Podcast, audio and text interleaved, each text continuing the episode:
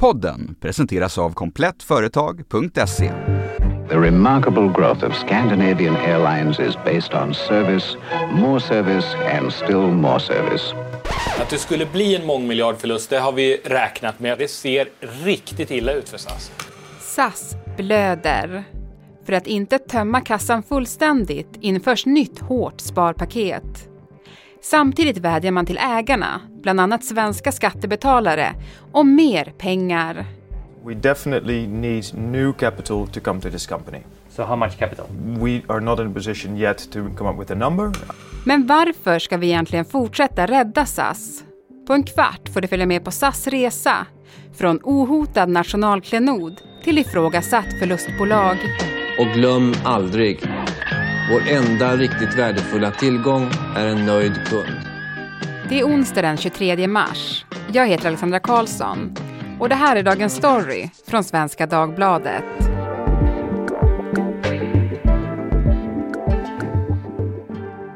Thomas Augustsson, reporter på SvD Näringsliv som bevakar flyg och transportbranschen. Ja, SAS i kris igen. Är du förvånad? Nej, det är jag faktiskt inte. Det är ju naturligtvis så att vi har haft en covidkris som har orsakat stora skador på varenda flygbolag i världen, och däribland SAS. Men SAS har också en lång historia av egenkokade problem. Så nej, jag är inte eh, förvånad alls. Men hur illa är det den här gången då? Ja, det är ganska illa den här gången också. Det har varit illa många gånger tidigare. Nu sitter man ju med eh, en kassa på lite drygt 3 miljarder kronor. Man har skulder som är ungefär 10 gånger så stora. Ja, någonstans börjar pengarna ta, ta slut och någonting måste hända. Ja, men vi har ju blivit vana nu att det är krisrubriker kring SAS.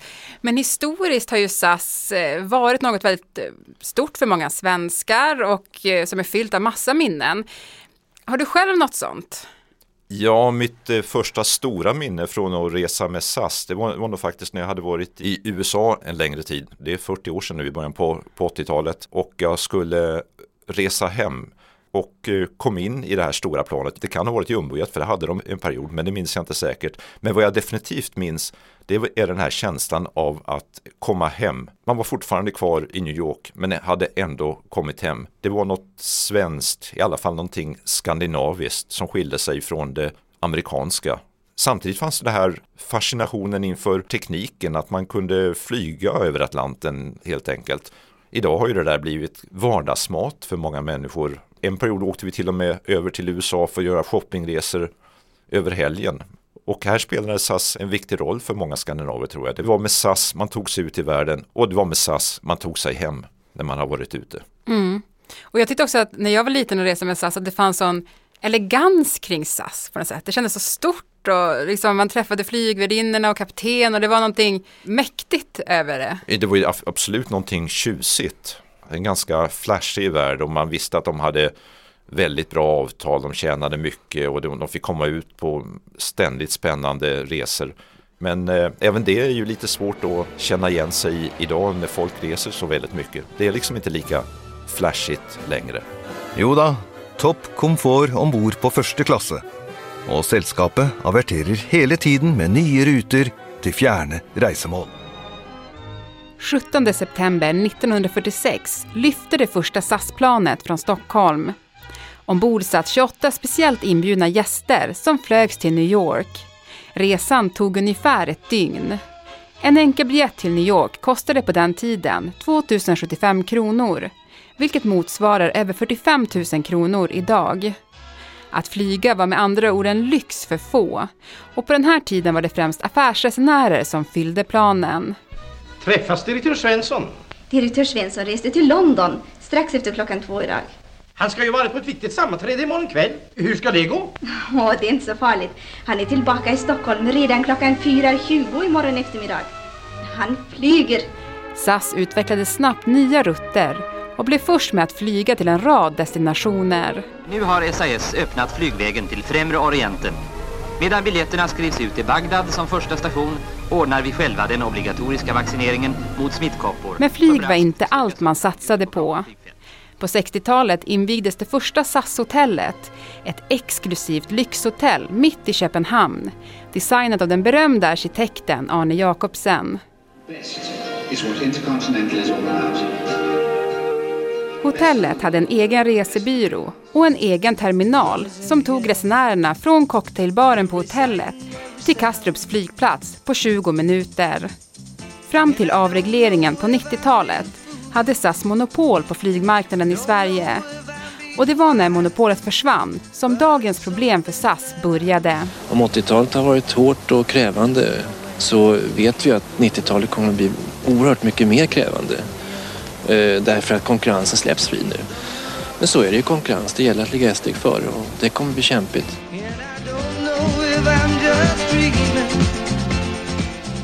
Är det så att SAS lever på gamla meriter? Ja, det får man väl på ett sätt säga och de lever på eh, det statliga ägarskapet som ju har gett dem en stadig uppbackning eh, många gånger. SAS grundas ju liksom i en helt annan tidsperiod med ett helt annat syfte än vad som finns nu. Det var ju efter andra världskriget som man eh, bestämde sig för att bilda ett gemensamt skandinaviskt flygbolag. Och tanken var ju då att svenska företag, även norska och danska naturligtvis, eh, skulle kunna komma ut i världen och göra affärer och då kände man att vart och ett av länderna var för, för små för att klara det här. Det var jättedyrt att driva flygbolag och är fortfarande jättedyrt att driva flygbolag. Och därför slog man sig samman och bildade eh, SAS då. Och så ville man öppna upp rent allmänt. Man var ju ganska instängda efter andra världskriget av förklarliga skäl. När började det gå dåligt för SAS? Eh, ja, alltså det beror på hur långt tillbaka man ska gå. Jag skulle vilja säga att den stora förändringen som verkligen gjorde att det här blev annorlunda för SAS och för väldigt många andra traditionella flygbolag som ägs då av en stat på ett eller annat sätt. Den stora förändringen kom i mitten på 90-talet kan man säga, drevs av att man i USA på 80-talet började avreglera flygmarknaden och öppna upp för väldigt mycket friare konkurrens.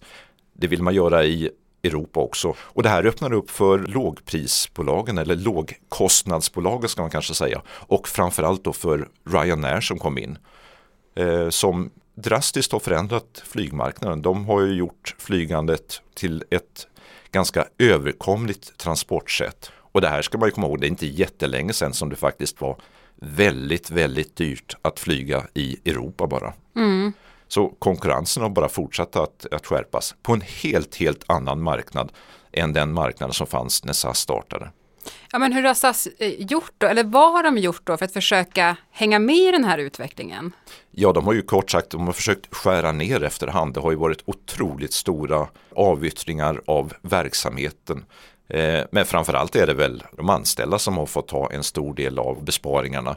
Man har fått betydligt sämre villkor. Man ska väl komma ihåg då att när SAS bildades och ytterligare några decennier fram, det var ett ett väldigt glassigt och väldigt välavlönat jobb att jobba för ett flygbolag. Det var ju drömjobbet för många. Alla killar skulle bli pilot och alla tjejer ville bli flygvärdinna. Komma ut och se världen. När man nästan inte kunde komma ut och se världen på något annat sätt. För det var för dyrt. Detta är Svante Palm, en av Scandinavian Airlines 354 piloter. Han är förste kapten. Nu har ju det där förändrats rätt mycket. Det är hårda jobb som de utför och till ibland inte jättehöga löner, framförallt då för kabinpersonalen som får slita hårt. Men jag tänker den här utvecklingen har ju då skett eh, under en tid och det har ju funnits kritik mot SAS om att man har varit för dåliga på att ställa om till den här nya marknaden. Ligger det någonting i det?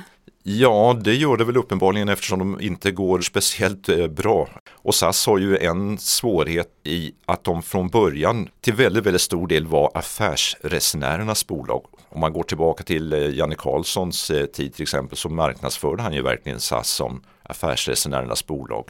Bra service, täta avgångar, inte speciellt billiga biljetter. Their interest in the passenger can't be touched by any transatlantic competitor. The next time you're going to Copenhagen, Singapore, or any of the 102 places we fly, fly SAS. Det där har ju förändrats nu i privatresandet som har tagit över medan SAS fortfarande ligger kvar med ganska mycket fokus ändå på the frequent flyer som SAS eh, pratar om och det är ju oftast just affärsresenärerna.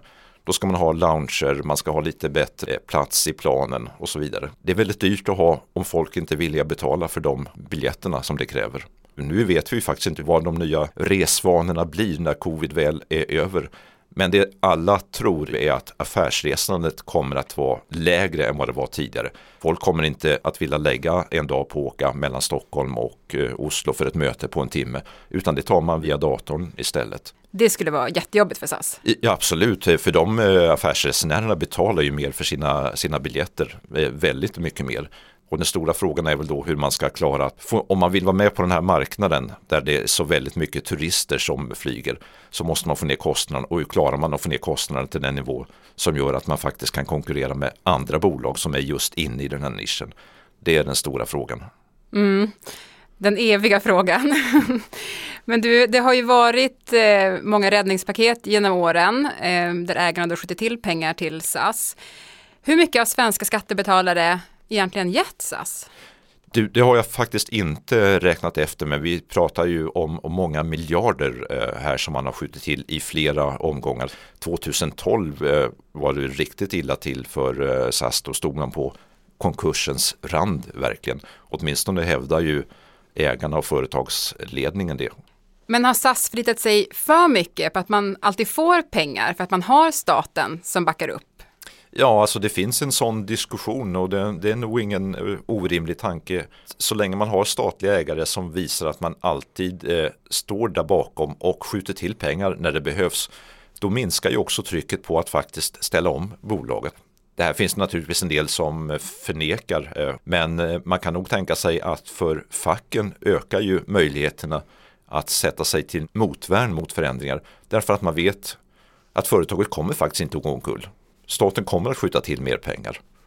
Det är ju en eh, lyx som man i många andra företag inte har. Eh, där måste ju på något vis fack och arbetsgivare komma överens om någon slags linje för verksamheten som gör att företaget kan leva vidare. Annars försvinner ju både företaget och jobben i ett nafs. Det här gör ju också att det, det, är lite svårt att veta hur ska man egentligen se på SAS. Är det ett börsnoterat företag som styrs enbart av vinstintressen eller är det någonting annat, ett bolag som drivs nästan mer som en del av den offentliga sektorn som vi faktiskt har till helt andra syften än att den ska ge vinst. Ledningen för SAS vill göra en fullständig genomgång av bolaget under besparingsprogrammet. Mer pengar behövs också från ägarna, även om SAS-chefen inte vill säga hur mycket det handlar om. SAS nya sparpaket innebär att man ska sänka kostnaderna med 7,5 miljarder kronor de närmaste åren. En tredjedel av bolagets kostnader ska alltså bort.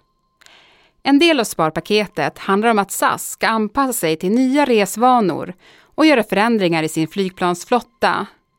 Avtalen med personalen ska också göras om för att, enligt SAS, bli mer konkurrenskraftiga. Men det stöter på kraftigt motstånd från facken. Piloter är inte längre beredda att eh, bidra med försämrade villkor i en verksamhet som redan har konkurrenskraftiga villkor på pilotsidan. Hur svårt kommer det här bli för SAS att till exempel få med anställda på tåget här? Ja, jag tror det blir väldigt svårt därför att det ska man inte glömma bort i, i allt det här. Det är lätt att sitta och klanka på folk och säga att de måste anpassa sig till ny marknad och så vidare. Men de anställda i SAS har under många, många år gått igenom väldigt hårda omställningar. Eh, fått klart försämrade villkor. Det tydligaste exemplet på det var väl just då när de stod på konkursens rand eh, 2012 och som nu står inför hotet om ny, ytterligare ännu nya försämringar. Det är vad det handlar om. Men Thomas, om det nu är så då att färre svenskar flyger med SAS och väljer de här lågprisbolagen istället, eh, varför ska vi då, alltså skattebetalarna, fortsätta rädda SAS? Ja, det är ju frågan som politikerna måste ställa sig i slutändan. Det finns ju också eh, ett annat perspektiv på det här som har kommit bort lite nu eftersom allting de senaste två åren av naturliga skäl har varit så dominerat av covid-debatten. Och det är ju miljöfrågan, det är inte länge sedan. Vi pratar väldigt mycket om flygskam till exempel. Då kommer ju också in det här perspektivet, ska vi lägga skattepengar på att gynna en flygindustri då som väldigt många inte tycker är, är, bra därför att det släpps ut växthusgaser helt enkelt. Men, men sen finns ju också det här mer konkurrensperspektivet. Om det nu finns en hel rad flygbolag som är villiga att flyga, varför ska svenska staten just stoppa in pengar i ett av bolagen. Vad säger de till sina ägare? Varför behövs ett fortsatt statligt ägande i SAS? Ja, de hävdar ju då, och eh, det kan man ju tycka att de har rätt eller fel i, att de ger eh, de skandinaviska resenärerna ett bra alternativ som är anpassat för dem. Men eh, jag vet inte om man kan säga att det är så unikt egentligen. Det går nog att lösa på rätt många olika sätt faktiskt. Men till sist Thomas, vad har SAS för möjliga vägar framåt egentligen, som du ser det? Ja, just nu verkar väl det här vara vägen framåt för dem. Alltså fortsätta leva på och, vara det skandinaviska flygbolaget. Men eh, det innebär ju också att man, man måste bli ganska eh, annorlunda och det, det de har som tillgång är ju egentligen, det är ju sitt varumärke som är jättestarkt. Jätte, jättestarkt. Jag vet inte hur de kommer att eh, klara det här för de är utsatta för en stenhård konkurrens. Fortsättning följer. Tack Thomas Augustsson för att du var med i Dagens Story. Tack själv. Se framför dig en riktigt bra webbshop för IT-produkter och kontorsutrustning för ditt företag. Se framför dig att vid behov få personlig och snabb expertservice utan att behöva handla för flera miljoner kronor per år. Se nu framför dig Komplett Företag, din partner inom IT-produkter och kontorsutrustning online. Gör som många andra och testa fördelarna hos komplettföretag.se. Välkommen! Programmet idag producerades av Kajsa Linderoth. Redaktör var Teresa Stenler von Matern. Och jag heter Alexandra Karlsson. Vill du kontakta oss så mejla till dagensstory.svd.se. Vi har det minst sagt dåligt, men vi är inte i kris. Klippen idag kom från TV4, SVT och Sveriges Radio. Sälj SAS. Och från filmerna SAS, ett skandinaviskt äventyr. På svenska vingar. Flygare i trimning. Vi flyger till Bagdad. Världens bästa Karlsson och Jan Sass Karlsson. Och glöm aldrig, vår enda riktigt värdefulla tillgång är en nöjd kund.